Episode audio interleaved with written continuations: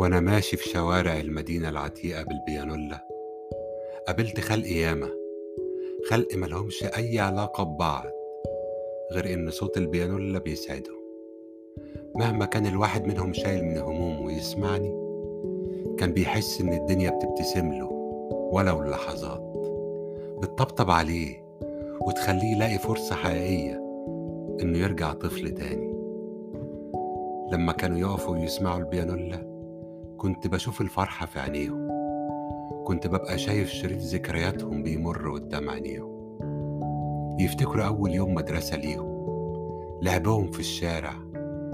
كل واحد منهم يفتكر فرحة أبوه وأمه بنجاحه في المدرسة.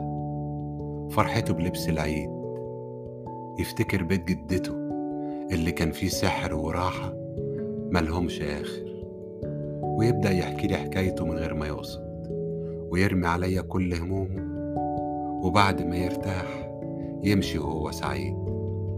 من كتر ما سمعتهم بقيت بحن للخيال وأسرح في قصصهم. والنهاردة هحكي لكم أول حكاية حكاية راجل عجوز منهم. أول ما شافني ابتسم بوقار وقال لي ياه يا ابني رجعتني سنين كتير لورا. وقعد على الرصيف قدامي وابتسم وقال لي بس الأكادة إنك فكرتني بحب عمري. فكرتني ببنت الجيران. لسه فاكر ملامحها لحد دلوقتي. هقول إيه؟ أصل أنتوا جيل التكنولوجيا مش هتفهموا اللي إحنا بنقوله. وإحنا عيال كان عندنا أخلاق ولاد البلد والكسوف وكانوا بيمنعونا إننا نعبر عن مشاعرنا.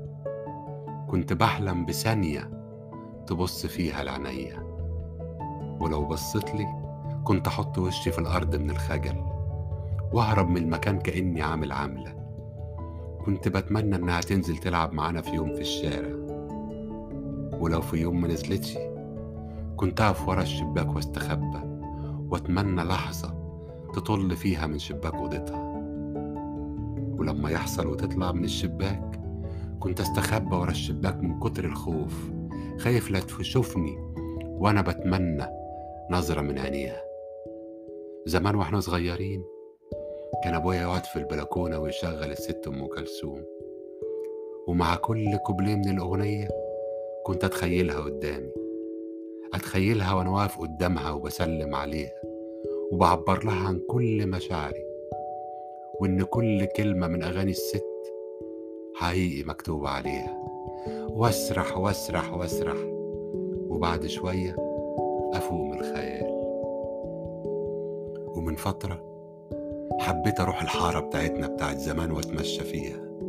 كنت عاوز أحس طعم البيوت طعم الراحة بتاعت زمان اللي بجد.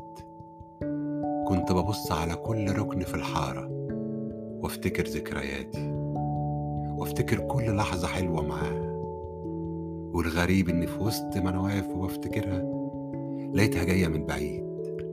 أول ما شافتني عينيها ابتسمت. نفس ابتسامة العيلة الصغيرة اللي بضفاير اللي كنت هايم في حبها. واتشجعت ورحت لها وسلمت عليها كمان بالإيد. لمسة إيديها رجعت لي مشاعر كتير كانت اختفت جوايا. وقالت لي ما تيجي نقعد على الرصيف زي زمان ونفتكر أيامنا الحلوة. وقعدنا نتكلم ونتخيل ونفتكر ونضحك. ضحكة صافية من القلب بطعم سنين الفراق. السنين اللي ما لوثتش قلوبنا وفضلت مشاعرنا زي ما هي.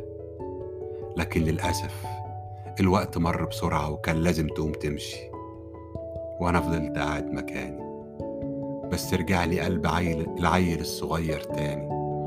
القلب اللي طول عمره بيتمنى يقابلها ويعبر لها عن حبه. ويقول لها قد إيه إنه حبها.